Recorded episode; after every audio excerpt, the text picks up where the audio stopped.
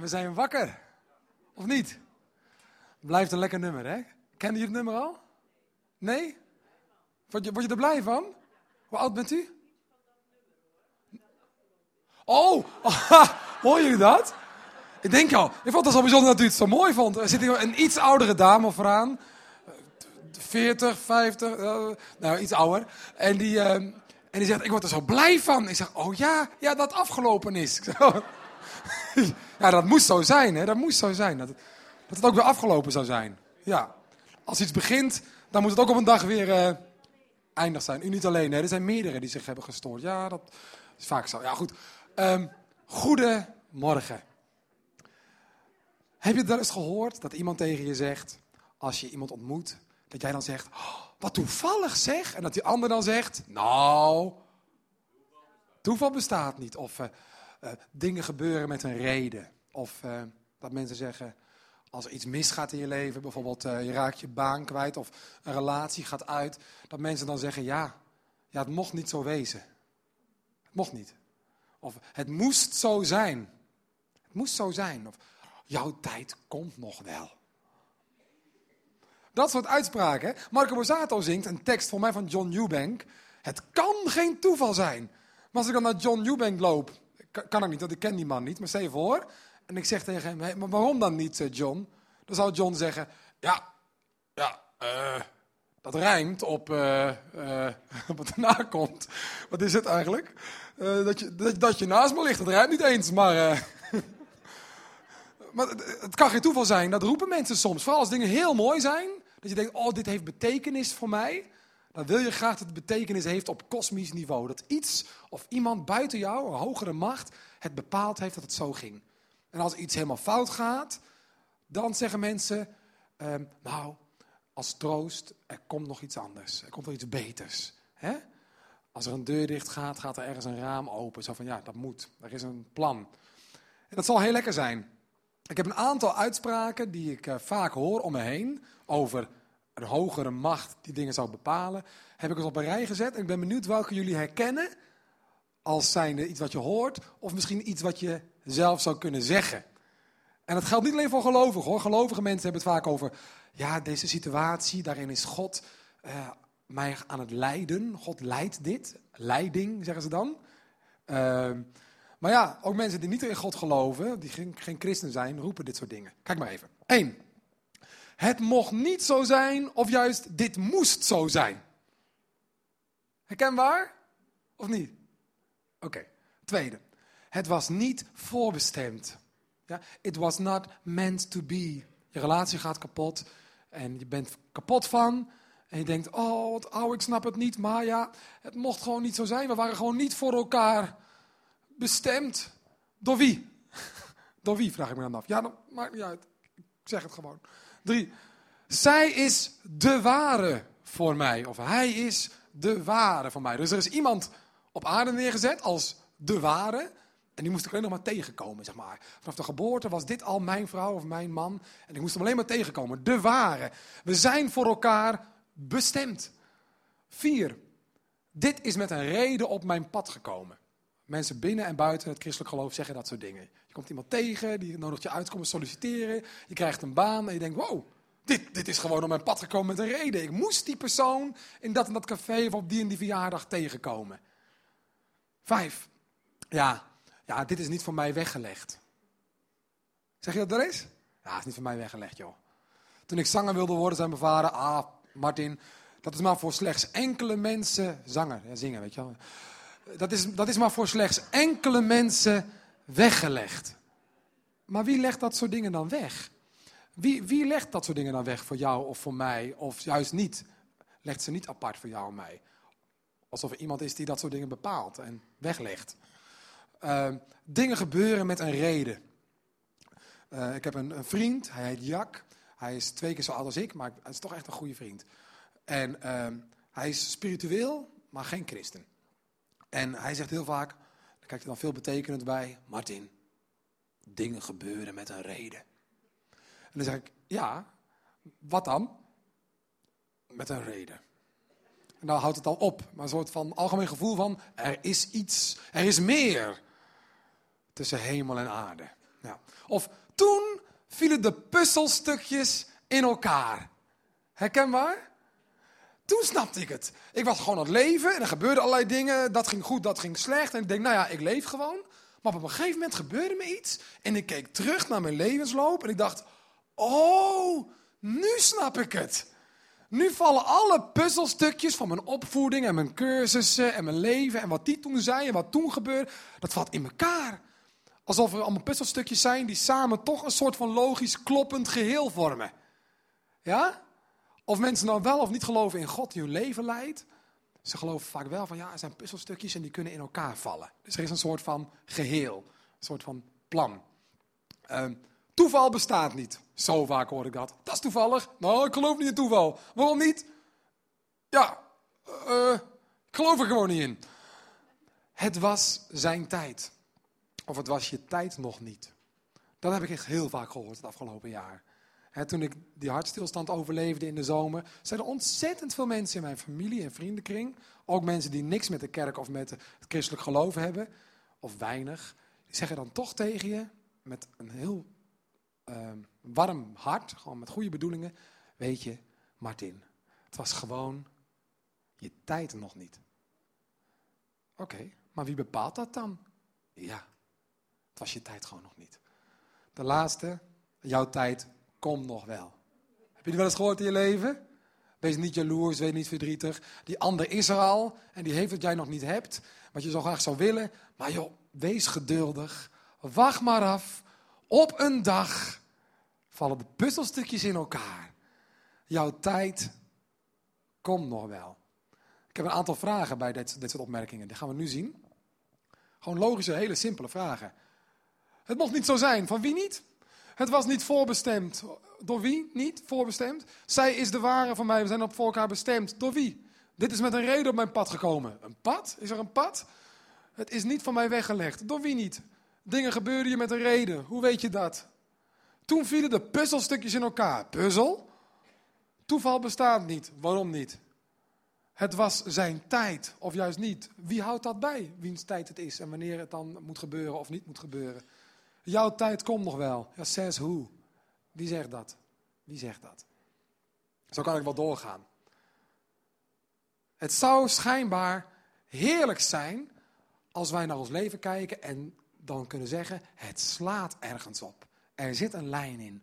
Als de grote levensgebeurtenissen van ons leven, bijvoorbeeld geboorte van een kind, of dat je die ene speciale persoon tegenkwam, of dat je die baan kreeg, of dat je die verbouwing kon doen, of dat je ging verhuizen. Als de grote gebeurtenissen van jouw kleine leventje, maar wat voor jou het enige leven is dat je hebt, als je daar punten mee zet, maar op een wit papier, en je gaat dan een lijn trekken van punt naar punt, zou het heerlijk zijn, en dat zit diep in mensen, gelovig of niet, dat er een soort, een soort lijn in komt. Maar letterlijk een lijn die ergens naartoe gaat. Dat je zegt, wow, het is niet zo, van een soort cirkel die nergens heen gaat. Het is een lijn. Er is een plan, er is iets groters. Want als dat er niet zou zijn, als er geen lijn zit in de grote gebeurtenissen van jouw leven, ja, dan slaat jouw leven in wezen nergens op. Dan, dan leef je vandaag. Je doet je best. En misschien lukt het, misschien lukt het niet. Maar je moet het helemaal zelf doen.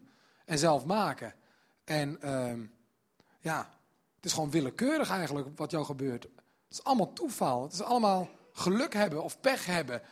En uh, er is niemand die dat voor jou heeft weggelegd of bepaald. Als dat zo is, dan is je leven vrij losgeslagen van een groter ding, een groter plan. En dat vinden sommigen vreselijk om te beseffen. En eigenlijk zit het in alle mensen wereldwijd om dat niet te willen. Want die uitspraken die we net lazen, die kom je in elke cultuur ter wereld en in elke tijd en in elke taal kom je dat soort, ja, wij noemen het clichés, gewoon uitspraken die mensen doen zonder echt over na te denken, kom je ze tegen. Hoe komt dat? Waar komt dat vandaan? Dat Marco Borsato zingt, het kan geen toeval zijn.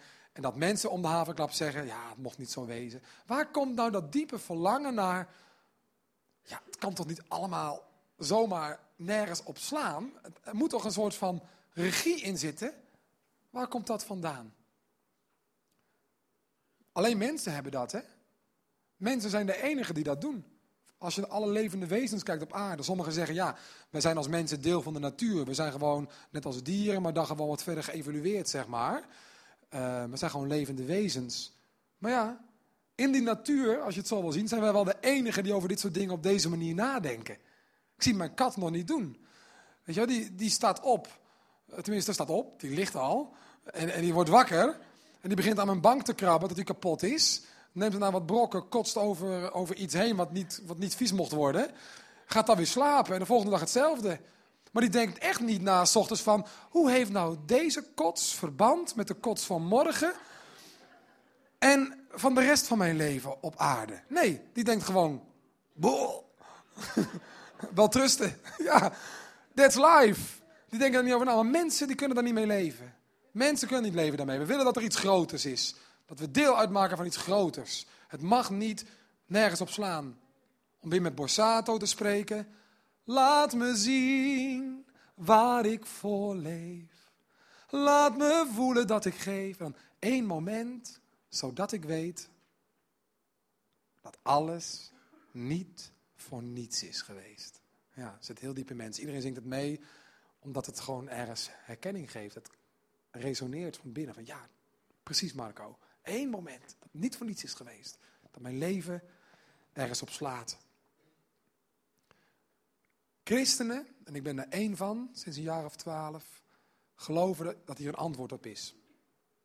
Jij wil dat, en jij roept dat soort dingen, omdat je lijkt in heel veel dingen op God. Christenen geloven dat de aarde en alles wat leeft geschapen is. Ja? Dus het is niet ontstaan, geen big bang, boom, nergens vandaan, het was er ineens.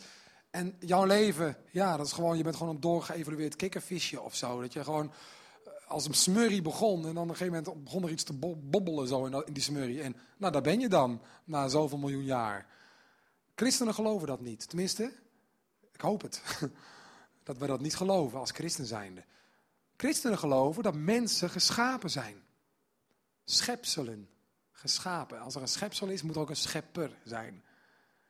En God schiep de aarde en zij, toen alles gemaakt was, de, de, het water was van het land gescheiden, de zon stond aan de hemel. God heeft alles geschapen zo, zoals we het kennen. En toen zei hij, als een soort van hoogtepunt, climax in zijn scheppingsverhaal, hij noemt het de kroon op zijn schepping, laat ons mensen maken. Mensen die op ons lijken naar ons beeld en onze gelijkenis. Als jij in de spiegel kijkt, zie je misschien van alles. Misschien zie je vooral denk wel, die pukkeltjes, of weet ik veel, of je wel of geen goede haardag hebt, of, of ben je wel of niet trots op jezelf, om wat voor reden dan ook. Je schaamt je of je bent trots ehm, als je in de spiegel kijkt. Maar heb je wel eens beseft dat als je in de spiegel kijkt, dat je heel veel dingen zou kunnen zien die op God lijken? Er is heel veel in jou, ook al geloof je niet in God, dat kan, wat toch van bij hem vandaan komt. Ik geloof met heel mijn hart, en dat gaan we straks ook bewijzen uit de Bijbel. Ehm, als je de Bijbel als bewijs eh, accepteert dan, ik wel. Ehm, dat God zijn vingerafdruk op jouw leven heeft gedrukt. In sommige verlangens die je hebt, bijvoorbeeld het verlangen naar dat het leven zin heeft, dat niet alles toevallig is. Dat je ergens naartoe onderweg bent, dat er een plan is. Daarin lijk je op God. God heeft altijd een plan. God doet niet dingen zomaar. God bestuurt de eeuwigheid. Grote woorden, kun je haast, haast niks meer voorstellen. Maar God is een God met plannen en voornemens, gaan we zo zien. En daarom willen mensen ook dat, dat we deel zijn van een plan, dat we ergens naartoe onderweg zijn. Dat niet alles, het Engels zeggen we random, willekeurig is. Oh, we, zien wel, er gebeurt wel wat. Nee, een richting. Daarin lijkt je op God. Maar ook in je verlangen naar schoonheid. En in je boosheid op de dood, als iemand doodgaat, dat je denkt, dat mag toch niet? Zo jong of zo, of nog zoveel voor zich, of ziekte, dat je gewoon boos en gefrustreerd bent. Dat, dat mag toch niet? Dat is wezensvreemd dat, voor je. Dat je, auw, dat doet zeer, dat wil ik niet, dat zou er niet mogen zijn. Je hoorde net het liedje, voordat de dienst begon, of uh, de preek begon, van... Uh, kan je niet aanvaarden dat het leven eindig is, alsof de dood hier niet had mogen zijn. En voel je diep van binnen dat een ziel blijft voortbestaan. Zeg me, waar komt dat vandaan? Dat komt van thuis uit. Dat komt van de vingerafdruk van God op jouw ziel. op jou geschapen wezen. Daar komt het vandaan. Ik wil met jullie kijken naar een fragmentje van een uh, tv-uitzending die ik vorige week zag. En daarin gaat het over Franka Treur. Ik weet niet of jullie haar kennen. Franka Treur, sommigen hebben misschien haar boek wel gelezen. Dorsvloer vol confetti. Ik heb het gelezen. Zijn er meer mensen die het gelezen hebben? Niet zo heel veel mensen. Dat is wel, ik vind het een aanrader, omdat ze heel eerlijk en heel indrukwekkend schrijft over vrij strenge reformatorische uh, geloofsopvoeding. En op een gegeven moment ging ze studeren en toen kwam ze een beetje los van haar uh, milieu.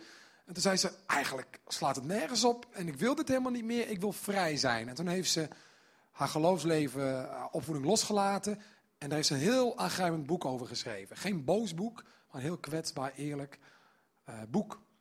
En vorige week, toen was ze op tv, was in een gesprek met Thijs van de Brink.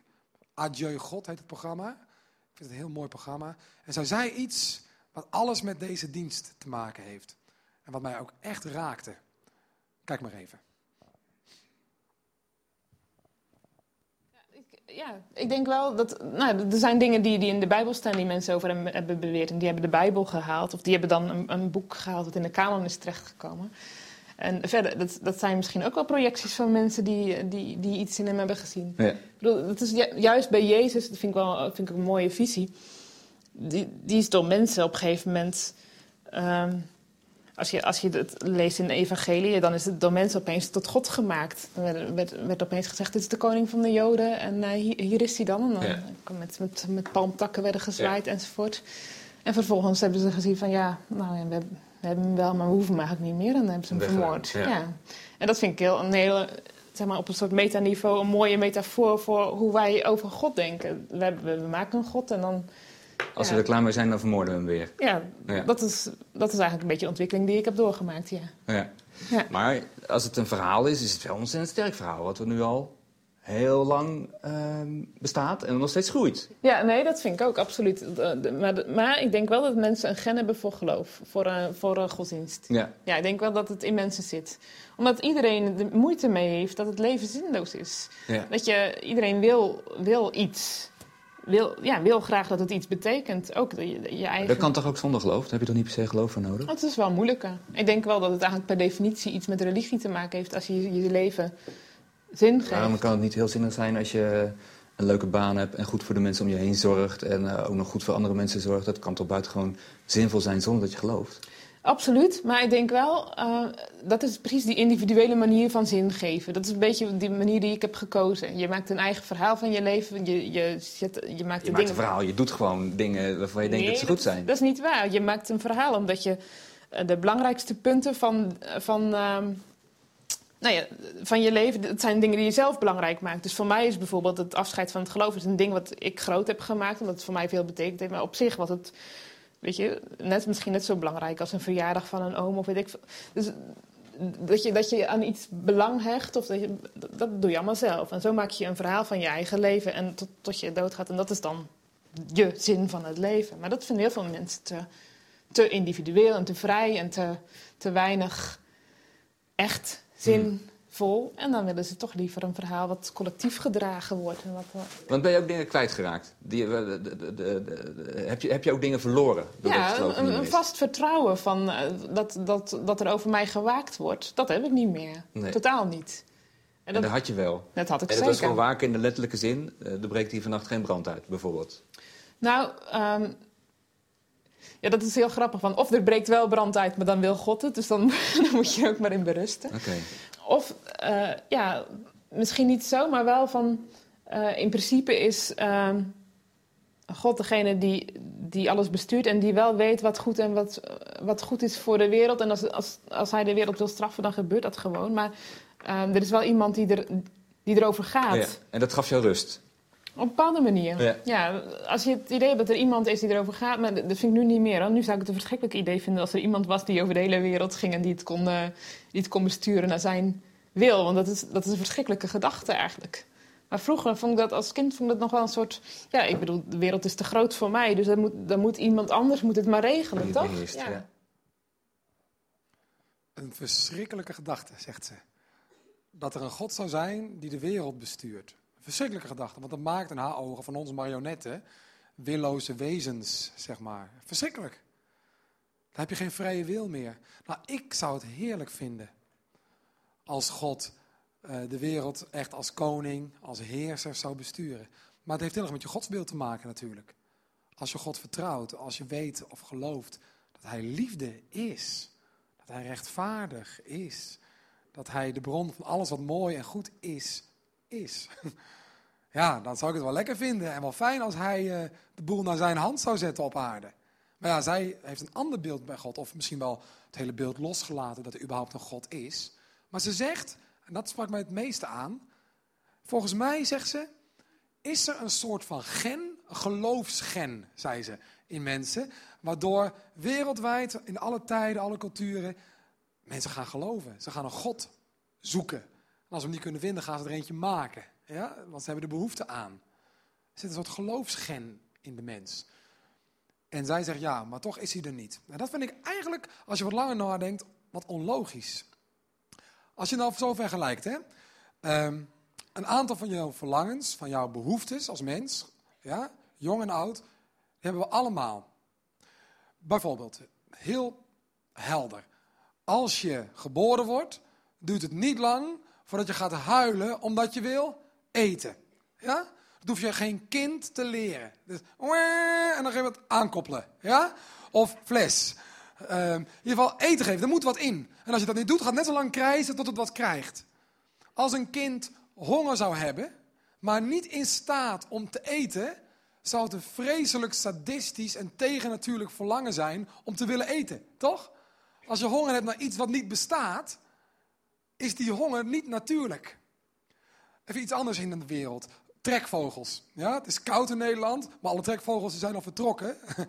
Want die zijn naar een warm landje. Ja? Stel je voor dat je trekvogel bent. Ja? Je, bent je bent niet al generaties lang op aarde, je bent er net hey, het wordt koud.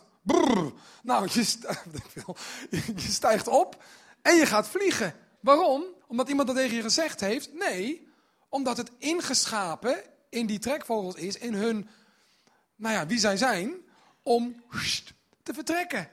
Dat zit in, dat is instinct. Dat zit instinctief in die beesten, in hun, in hun wezen, in de natuur. En ze gaan vliegen. En ze gaan ook aankomen op een plek waar ze moeten zijn. Het zou vreselijk sadistisch zijn en tegennatuurlijk als die trekvogel zegt, koud.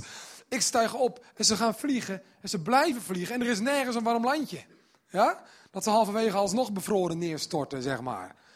Dat is best erg. Maar het is niet zo, omdat het in de natuur zit, omdat instinct, het zit prachtig in elkaar. En omdat er een andere plek is, verlangen ze daarnaar en gaan ze op weg. Zit in ze. En zo kan ik doorgaan hoor. Dat ga ik niet heel lang doen. Maar nog één voorbeeldje is, mensen hoef je niet te leren dat het fijn is om contact te hebben met andere mensen. Ja? Je merkt het wel als je helemaal alleen bent en niemand kijkt naar jou om. Uh, en je krijgt geen liefde van mensen. Ja, dan kan ik nog zo vaak tegen je zeggen, maar God houdt wel van je, maar je gaat wel kapot. Want je hebt de liefde van mensen ook nodig. Ja, hoef je niet te leren, dat zit in je. Ja?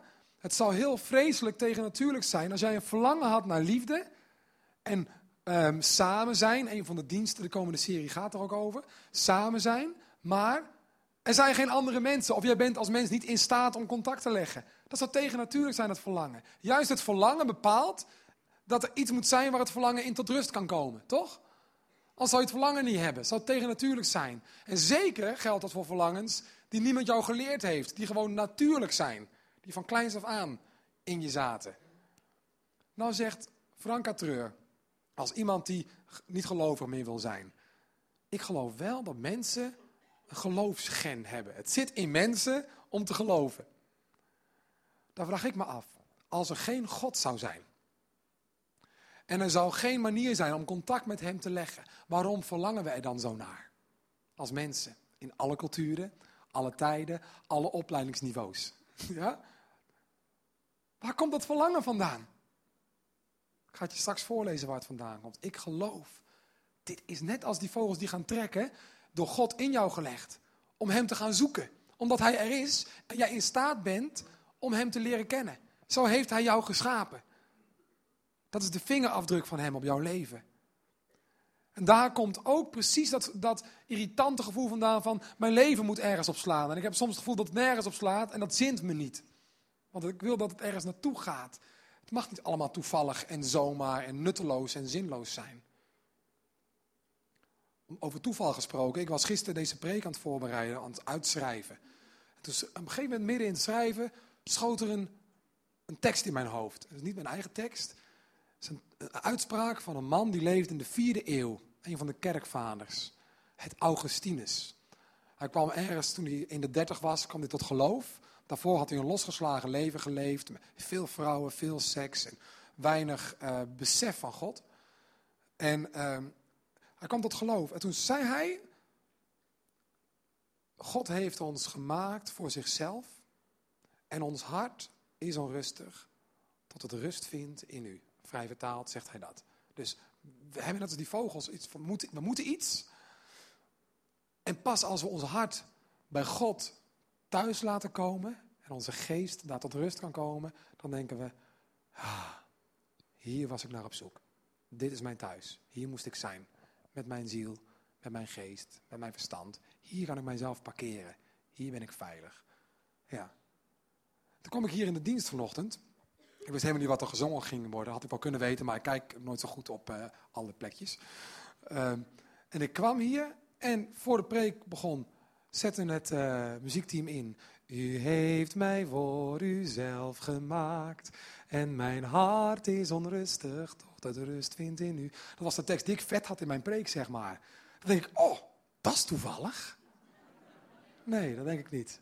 Dan denk ik, wauw, wat gaaf dat God mij op deze manier uh, nog een keer laat zien of bevestigt van, oh, schijnbaar heeft hij degene die de zangdienst heeft voorbereid en mij hetzelfde ingegeven. Wat gaaf, hij zal er wel een bedoeling mee hebben. En dat vind ik mooi, om af en toe te merken dat mijn leven uh, door God wordt geleid. Ook al had ik het gisteravond helemaal niet zo door dat het Gods leiding was. Ik dacht, ik moet er gewoon aan denken, toevallig. En vandaag merk ik, nee, die gedachte werd geplant. Wat gaaf. Uh, daar geniet ik van. We gaan de Bijbel een paar stukjes lezen. Ik wil je laten zien wie God is. Weet jij hoe God is? Nou, Martin uh, weet het niet van nature. Maar Martin heeft het geleerd door contact met God te zoeken en ook vooral door de Bijbel te lezen. Daar komt hij. Eerste uitspraak uit de Bijbel. God zei: Laat ons mensen maken die ons evenbeeld zijn, die op ons lijken. Ja? God is niet doelloos, dus mensen willen niet doelloos zijn. God staat voor het leven, dus mensen hebben een hekel aan de dood. God staat voor gezondheid. Uiteindelijk zal er geen tranen, geen pijn, geen ziekte meer zijn. Dus mensen hebben een piephekel aan ziekte. Uh, omdat God ook niet van ziekte houdt. Enzovoort, enzovoort. Laat ons mensen maken die op ons lijken. Zij moeten de heerschappij voeren over vissen van de zee, vogels van de hemel, over het vee, over de hele aarde en alles wat daarop rondkruipt. God schiep de mens. Dus je bent geen doorgeëvolueerd papje. Je bent als mens uniek in de schepping. De mensheid is door God gemaakt. Als evenbeeld van God schiep hij hem, mannelijk en vrouwelijk, schiep God, hij, de mensen. Oké, en nu eventjes het volgende. Oké, als we dan op God lijken, waar komt dan ons verlangen naar niet alles is toevallig vandaan? Hier vandaan, denk ik. Zo is God. Mijn plannen, zegt God, zijn niet jullie plannen. Mijn wegen of sorry, jullie wegen zijn niet mijn wegen, spreekt de Heer. Want zo hoog als de hemel is boven de aarde, zo ver gaan mijn plannen. Sorry hoor, ik moet gewoon gaan lezen. Zo ver gaan mijn wegen, jullie wegen te boven en mijn plannen, jullie plannen. Oké, hier leren we iets van God kennen. Klinkt hier iemand die zomaar wat doet? Van nou, ik weet ook niet precies wat goed is, maar doe maar wat. Random. Dus willekeurig, wat je ook doet, prima joh. Nee, God zegt hier dat hij een God is die plannen heeft. Die een weg heeft. Die ideeën heeft, gedachten die veel hoger zijn dan mensen kunnen beseffen. En dan mensen kunnen uitdenken. Dat is hoe God is. En als hij zegt, ik ben zo. En ik maak mensen die op mij lijken. Dan is het logisch dat jij niet kunt leven met een planneloos, doelloos, toevallig uit nou ja, dat soort dingen bestaand leven omdat God zo is. Daarom ben jij zo. Daarom baal je ervan als je het idee hebt dat je leven nergens op slaat. Want je hebt een verlangen dat het wel ergens op slaat. We gaan naar de volgende tekst. Volgende tekst. Hier, God weer aan het woord. Om nog een keer zijn karakter aan jou te laten zien vandaag. Dit is eeuwen geschreven voordat Jezus geboren werd. Deze tekst gaat over Jezus, de Zoon van God, die geboren werd. Een kind is ons geboren, een zoon is ons gegeven. De heerschappij rust op zijn schouders. En deze namen zal hij dragen. Wonderbare raadsman, goddelijke held, eeuwige vader, vredevorst. Groot is zijn heerschappij. Aan de vrede zal geen einde komen. Davids troon en zijn rijk zijn erop gebouwd. Ze staan vast, zegt God. In recht en gerechtigheid, van nu tot in eeuwigheid. Daarvoor zal hij zich beijveren, de Heer van de hemelse machten. Kijk, voor het geval dat je nog dacht dat God een soort gevoelig doetje is. Van kom maar op schoot, ik weet het verder ook niet, maar ik kan je wel troosten. Nee. Nee. God volbrengt zijn wil door de eeuwen heen. En God heeft de eeuwigheid. Jij niet? Tenminste, totdat je hem leert kennen nog niet. Maar hij heeft de eeuwigheid. Hij ziet volken en generaties komen en gaan. En hij weet wat zijn plannen zijn en hij volbrengt zijn plannen ook. En God heeft een eeuwigheid de tijd. En hij weet, ik heb het eerste, maar ik heb ook het laatste woord. En het zal gaan zoals ik wil. En wat wil God? Het goede. Namelijk dat alle mensen Hem leren kennen, Hem erkennen, Hem gaan aanbidden en daardoor de meest gelukkige mensen worden nou, die je zou kunnen voorstellen. En gelukkiger nog dan dat. Dat is Gods plan. Iedereen onder de heerschappij van Hem, iedereen op de knieën voor Jezus. Is dat leuk? Dat is heerlijk. Daar ben je voor gemaakt. Zoals vogels zijn gemaakt om, sommige vogels dan, om weg te trekken, ben jij gemaakt om God te kennen. Het is niet tegen natuurlijk om te geloven. Het is het meest natuurlijke wat je kan doen. Want het zit al lang in je.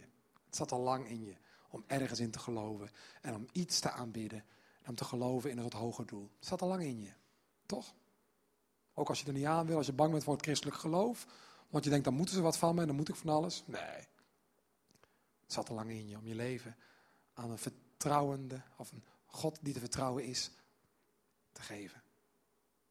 God spreekt over, over zijn voornemens. Hij zegt hier, deze namen zal mijn zoon dragen. Niet, ja, ik, ik, ik hoop dat, dat ze deze naam willen geven als ze het zelf ook mooi vinden. Maar als jullie iets anders willen, is het ook goed. Ik weet het ook niet precies. Maar ik denk ook wel dat dat iets met Davids koninkrijk te maken heeft. En ik hoop dat het, dat het ook lange tijd zal bestaan. Misschien wel tot in eeuwigheid. Um, maar ja, dan moeten we nog maar zien of dat lukt. Nee, hier zegt God, zo zal het zijn. Dit zullen zijn namen zijn. En tot een eeuwigheid zal ik ervoor zorgen dat de naam van Jezus nooit van de aarde en uit de hemel zal verdwijnen. Het is mijn zoon. Hij zegt het. En dan maakt het waar. Ja. God heeft een richting. Volgende tekst gaan we lezen. En dit is de laatste tekst die we gaan lezen. En die gaat over ons vandaag. Over jou ook. Ik weet niet of jij in God gelooft. Maar hij is niet ver weg van jou. Het is veel natuurlijker om een stap naar hem te zetten dan je nu denkt misschien. Dit zegt Paulus, deze, deze zinnen. En hij heeft het gezegd in een speech. Dus dit is opgeschreven naar aanleiding van een toespraak, een preek van Paulus, zendeling en man van God, eeuwen geleden. En hij sprak deze woorden in Athene. En hij sprak tot mensen in Athene die heel gelovig waren. Dus net als Marco Bassato zeiden zij, ja, er is meer tussen hemel en aarde. En ze geloofden zelfs dat er heel veel goden waren. En die goden gingen allemaal ergens over. Er zat een god van de vruchtbaarheid. En als je die dan offers ging brengen, dan was je vruchtbaar en kreeg je misschien wel kinderen. Een god van de liefde, een god voor een goede oogst, een god voor... Nou, noem het allemaal maar op. Allemaal goden. En dat is allemaal altaren voor de hele stad. Athene stond vol met, met altaren, waar mensen offers brachten aan allerlei goden. En omdat ze zo gelovig waren en het zo graag goed wilden doen, was er zelfs nog een altaar gebouwd, echt waar, staat in handelingen, voor de onbekende God. Dus je hebt al je offers gebracht, maar ja, misschien heb je één God gemist. En dan kan het alsnog fout gaan in je leven. Dus er was ook een altaar voor de zekerheid, zeg maar. En dan kon je er ook nog iets slachten voor het geval dat je een God had beledigd waarvan je toevallig het bestaan niet wist.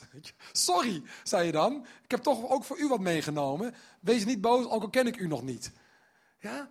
Dat waren de mensen. En dan gaat Paulus dit tegen ze zeggen, tegen die mensen. Uit één mens, ja, uit één mens heeft God de hele mensheid gemaakt. Oké, weer, je bent gemaakt door God. En hij heeft de mensen over de hele aarde verspreid. Voor elk volk heeft God een tijdperk vastgesteld. Oh, oké, dat is ook voor ons volk, ook voor jou. Dat je nu bent, op aarde, deze tijd. Was je tijd nog niet, nee, dat klopt. God heeft een tijdperk voor ons volk, maar ook geloof ik voor ons leven vastgesteld. En heeft de grenzen van een woongebied bepaald. En let nu goed op, dit is waar het in de basis en in mijn hart ook nou, echt om gaat. Wat, wat mij drijft ook om hier te staan. Het was Gods bedoeling dat ze hem zouden zoeken. En hem al tastend zouden kunnen vinden. Denk nu even terug aan mijn vergelijking van net van die trekvogels en het honger hebben en dorst hebben. Als er geen warm land is, ga je niet trekken. Als er geen water is, heb je geen dorst. Als er geen eten is, zou je geen honger hebben. En ook zeker niet als je geen mond had om het tot je te nemen. Hier zegt God, ik heb iets in je gelegd. Namelijk het verlangen naar God. Dus Franka, treur, spreekt de waarheid. Er is een God-gen ingeschapen om te gaan zoeken naar God. Ja. En God zegt zelfs nog dat ze hem zouden zoeken en hem al tastend, dus aldoende leert men, ja, al tastend, zouden kunnen vinden. Aangezien hij van niemand van ons ver weg is. Want in hem leven wij, bewegen wij en zijn wij. Zoals ook enkele van uw eigen dichters, zegt Paulus tegen die Atheners, hebben gezegd, uit hem komen ook wij voort. De appel valt niet ver van de boom. Uit hem komen we voort. Hij is onze bron. Bij hem horen we thuis. We horen bij hem. Je kan lang weglopen, maar je zult nooit vrede vinden. Zoals Augustinus zei, je hart blijft onrustig. Je blijft hongeren. Tot je hart rust vindt bij God. En je denkt, oh, hier was ik voor bedoeld. Hier was ik voor gemaakt. Letterlijk. Dit is mijn basis. Dit is mijn kern. Wat ik een mooie zin vind in deze tekst, in de preek, kunnen we de vorige nog even doen, alsjeblieft? Is die tekst, um, aangezien hij van niemand voor ons ver weg is. Soms hebben mensen het gevoel dat ze heel ver van God zijn en dat anderen heel dicht bij God zijn. Dus ik ben een christen en ik vertel over God, dus ik ben waarschijnlijk dan in sommige hoofden hier misschien dichter bij God. En, en anderen die doen alles wat God verboden heeft en nog meer. En die geloven niet in God. Dus ja, die staan wat verder dan van hem af. Dus ik ben dicht bij God. En die mensen zijn ver van God. Maar Paulus zegt helemaal niet. Paulus zegt: God is dicht bij ons allemaal. God is te zien in de verlangens van ons allemaal. God heeft ons geschapen. Wij zijn allemaal schepselen van God. Het is heel natuurlijk om ook die laatste stap dan nog te zetten. En dan te zeggen, oké God, als het dan natuurlijk is om een gelovig mens te zijn, komt u alstublieft dan in mijn leven en laat mij thuiskomen bij u. Want u bent dichtbij. Hij is net zo dicht bij jou als bij mij en dat is heel dichtbij. Het verschil is dat ik het heb ontdekt en God toen heb gevraagd, wilt u nou nog dichterbij komen dan dichtbij? Wilt u in mijn leven komen? Wilt u in mij komen wonen en mijn leven bepalen? En daardoor kan ik gisteravond denken, oh wacht even, mijn hart is onrustig tot het rust vindt in u. En kom ik er vandaag achter dat anderen dat ook hebben gekregen. God woont in mensen. Hij spreekt in en door mensen. Dat is te gek. En heel natuurlijk eigenlijk. Volgende, uit Handelingen 17, dezelfde speech, zegt Paulus nog, God die de wereld heeft gemaakt en alles wat er leeft, hij die over de hemel en de aarde heerst, Hoor je dat? God is geen doetje. God heerst. God heeft plannen. Ja, maar er gebeuren heel veel dingen op aarde. Nou, heeft God zeker even geslapen. God heerst over de hemel en de aarde. En tegelijkertijd is er tijdelijk nu nog kwaad in de wereld. En zijn er mensen die er liever voor kiezen om het kwaad te dienen dan het goede te dienen. En God laat het nog even toe. Maar je wilt niet in het verkeerde kamp zitten in het verkeerde team werken als hij orde op zaken komt stellen. Volgende tekst. God slaat echter geen acht op de tijd waarin men hem niet kende, zei Paulus tegen die Atheners. Maar hij roept nu, ook vandaag in Apeldoorn, tegen jou, hij roept nu overal de mensen op om een nieuw leven te beginnen. Geen opgepoetst leven, geen aangepast leven, geen christelijk door wetten ondersteund bestaan. Nee, bam, een nieuw leven, een natuurlijk leven. Ja, waarin hij de hoofdrol speelt en jij leert hoe het is om met God en in zijn familie een nieuw leven op te bouwen. Wat veel meer bij jou past dan je nu misschien denkt. Een nieuw leven te beginnen. Want hij heeft bepaald, heb je het weer, God bepaalt dat er een dag komt waarop hij een rechtvaardig oordeel over de mensheid zal laten vellen. Door een man die hij voor dat doel heeft aangewezen. Heb je het weer, God met zijn plannen en met zijn doelen. Het bewijs dat het om deze man gaat, heeft hij geleverd door hem uit de dood te doen opstaan. Oké, ik weet niet wie van jullie sceptisch zijn over de Bijbel of over geloven. Wie er meegelokt is aan deze dienst of zo. Ehm, maar dit is eigenlijk best wel een rare redenatie, hè? Of redenering, nou ja, een raar verhaal. Um, dat, dat, die laatste paar zinnen. Het bewijs dus dat het verhaal van God klopt is, Jezus is uit de dood opgestaan. Oké. Als jij sceptisch bent, zoals ik twintig jaar lang heel sceptisch was, zou je kunnen zeggen, oké, dus een onzichtbare God, dus voor mij onzichtbaar en vaag, die gaat zichzelf bewijzen aan mij door dat een onzichtbare Jezus, die ik ook niet heb gezien, uit de dood is opgestaan, waar ik ook niet bij was. Oké, nee, dat is een duidelijk bewijs. Nu, nu ben ik om. Nu ben ik om. ja, koekoek. Dat is, dat, is toch gek? Dat is toch raar? Jezus is uit de dood opgestaan en daarom is dit hele verhaal waar. Maar ja, als je niet gelooft dat Jezus uit de dood is opgestaan, hoe moet je de rest van het verhaal dan geloven? Waar is dan, dat dan het bewijs van? Ik geloof dat Jezus uit de dood is opgestaan. En weet je hoe ik dat weet? Omdat hij vandaag de dag spreekt en handelt. Toen ik twintig, of twintig was en op mijn knieën zat en ging bidden en vroeg aan Jezus, Klinkt heel gek voor sommigen. Ik vroeg aan Jezus, maar toen ik vroeg aan Jezus Christus. Laat me zien waar ik voor leef. Laat me u zelf zien. Ik ben op zoek naar u. Bent u echt dichtbij? Bent u er echt? Toen reageerde Jezus op dat gebed. En ik was sceptisch. Sommigen zeiden, ja, je wilde gewoon iets ervaren van God en daarom ging je het ervaren. Crap, zeg ik dan. Niet waar. Ik was sceptisch en Jezus reageerde op mijn gebed en ik geloofde. En het is nu twaalf jaar lang. Als het een tijdelijke bevlieging was geweest en Jezus niet had geleefd, was ik al lang in de eerste paar weken weer afgehaakt. De afgelopen jaren, bevestiging op bevestiging op bevestiging. En als Jezus niet zou leven, zou hij mij ook niet kunnen leiden. En zou de Heilige Geest ook niet zo krachtig, niet alleen tot mij, maar tot al zijn kinderen kunnen spreken en ons leven kunnen leiden. Toevallig? Niks toevallig. Hij leidt mijn leven. Betekent dat dan, Martin, dat jij concludeert vandaag als een soort slotding van deze preek? Alles staat vastgelegd. Jouw leven wordt dus schijnbaar nu geleid door God. Dus alles wat jij doet is door God bepaald. Nee. Nee, ik mag nog steeds vrij zijn en keuzes maken en leven en richting bepalen. Maar alles met Jezus en met zijn leiding. En er zijn bepaalde momenten in mijn leven dat ik ook zeg, dit moest zo zijn. Hier spreekt God tot mij. Hier word ik geleid. Hier zegt God stop. Of rechtsaf. Of linksaf. En als God dat niet doet, ga ik gewoon rechtdoor binnen de kaders van wat ik heb geleerd, wat goed is. That's life. Maar het slaat ergens op. En mijn leven heeft zin. En jouw leven krijgt ook zin, nog meer zin. Ik heb misschien ook nog meer zin in het leven. Als je ook in die trein gaat stappen in die beweging mee gaat reizen. Volgens mij hebben we nog, hebben we nog één laatste of niet? Ja, wij weten dat voor wie God lief hebben, voor wie volgens zijn voornemen geroepen zijn. En misschien roept God jou vandaag door mij heen. Zou dat kunnen?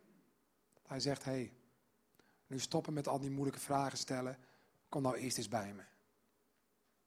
De rest komt wel. Zou dat kunnen? Ik denk het wel voor sommigen.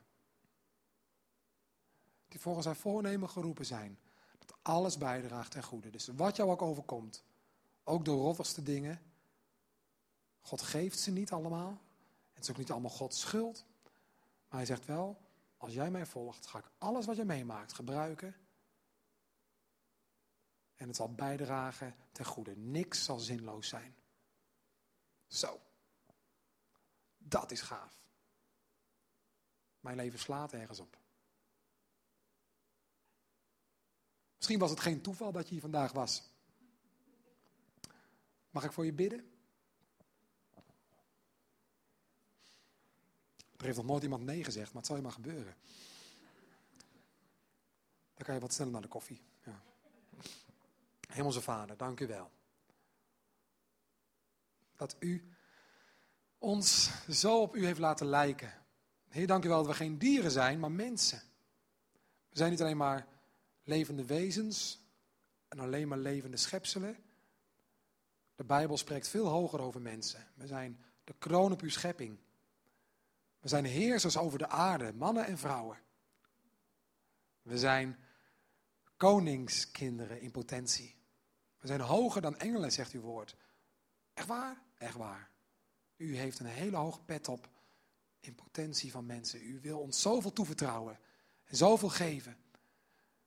En ook al willen veel van ons tot nu toe nog niet zoveel met u te maken hebben, of vinden we het allemaal maar moeilijk en zijn we een beetje verlamd en staan we stil? Als we in de spiegel kijken, dan zijn heel veel van onze verlangens, onze diepste verlangens, door uw vingerafdruk daar ingebracht. Het verlangen naar zingeving, dat het ergens heen gaat met ons leven. Het verlangen naar samen zijn. Het verlangen naar een wereld zonder lijden. Het verlangen naar dat dingen eerlijk gaan, rechtvaardigheid. Het is allemaal om wie u bent. Wij lijken op u. Wow, daar ben ik trots op, Heer. Ik lijk op u. En ik mag, als ik uw kind word, door Jezus te leren kennen, alleen nog maar meer op u gaan lijken. Wow, wat een avontuur. Jezus, wat is dat echt? En ik bid voor de twijfelaars en voor de sceptici. Grijp in in ons leven, Heer Jezus. Kom met uw Heilige Geest. Dichterbij dan dichtbij. Kom in ons. Schud ons wakker. Roep ons volgens uw voornemen en geef ons dat laatste zetje. Wat we nu op dit moment nodig hebben misschien. En ik dank u voor de belofte. En daar sluit ik mee af. Dat u heeft gezegd. U heeft bepaald dat wij u zouden gaan zoeken.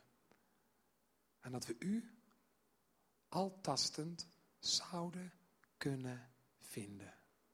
Wauw, dat geeft een spannende verwachting. In Jezus' naam. Amen. Amen. Het muziekteam komt weer naar voren. We gaan met elkaar zingen.